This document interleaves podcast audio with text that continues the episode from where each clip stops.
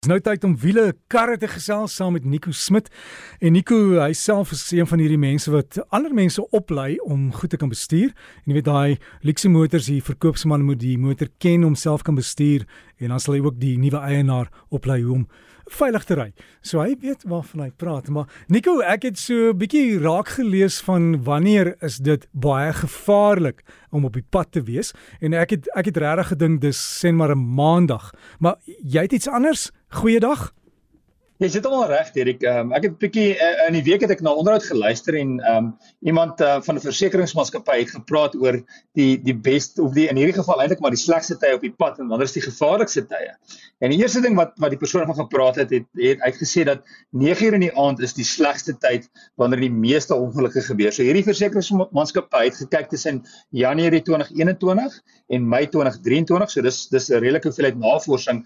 Watter is die slegste tyd en 7:00 in die aand Uh, volgens hulle is die slegste tyd en 'n uh, gedeelte daarvan kan natuurlik wees dat mense van die werk af kom, dat mense moeg is, so dit kan een rede wees hoekom 7 uur spesifiek nie 'n goeie tyd is nie.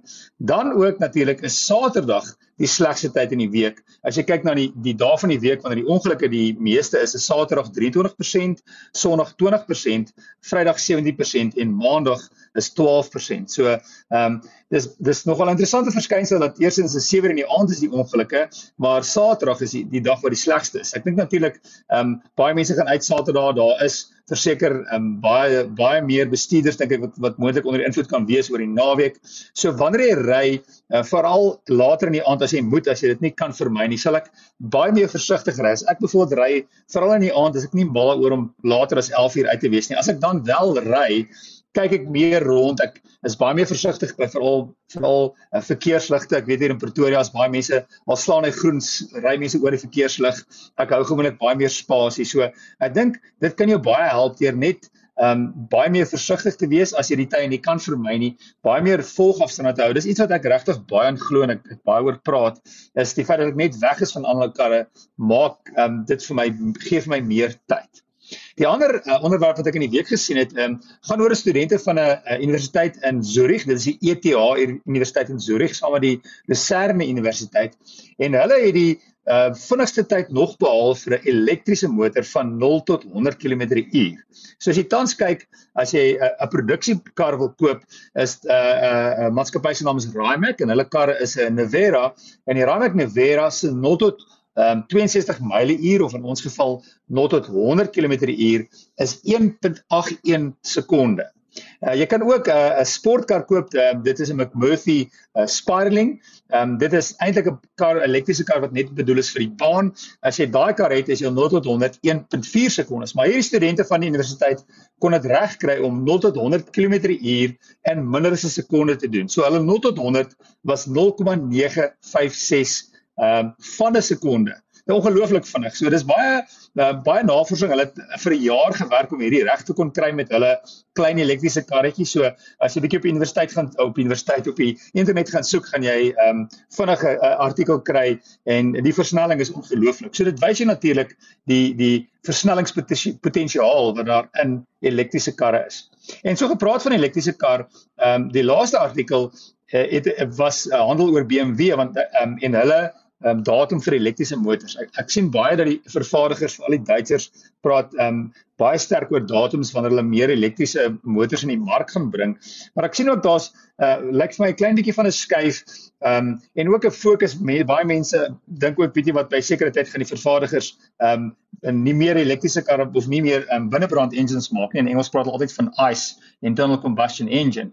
Maar BMW het gesê, weet jy wat, hulle ontwikkel nog steeds nuwe uh, petrol engines en nuwe diesel engines eh, en wat hulle nog in die mark gaan sien vir die ten minste die volgende 10 of 15 jaar. So ek dink die fokus is wel vir die vervaardigers op elektriese karre, maar ek dink die fokus is nie so dat ons in die volgende uh, uh kom ons sê 10 jaar as jy by 'n uh, handelaar aankom, nie meer petrol of diesel voertuie gaan sien nie. Dis net die fokus gaan stadig aan skuif. En dit gaan natuurlik ook ehm um, net eenvoudig oor wat die mark bepaal. So solank ehm um, mense nog die petrol en diesel voertuie soek, ehm um, en solank die die opname van elektriese voertuie kleiner is, gaan dit definitief die mark beïnvloed en selfs die vervaardigers gaan in 'n mate geforseer word om daai binnebrand engines langer te hou omdat die aanvraag so groot is en dan natuurlik kyk ons net na ontwikkelende lande en die infrastruktuur wat hulle het.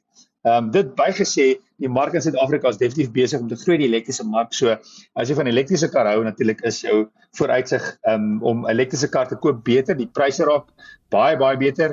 Die voertuie se pryse um, val, dis nog steeds baie duur, maar dis baie beter as wat dit ruk gelede was. So definitief kan ons die skuif sien in ons mark. Dis 'n stadige skuif, maar die skuif is definitief daar. So Nico, as die skuif daar is, wanneer gaan ons elektriese voertuie in Suid-Afrika begin vervaardig?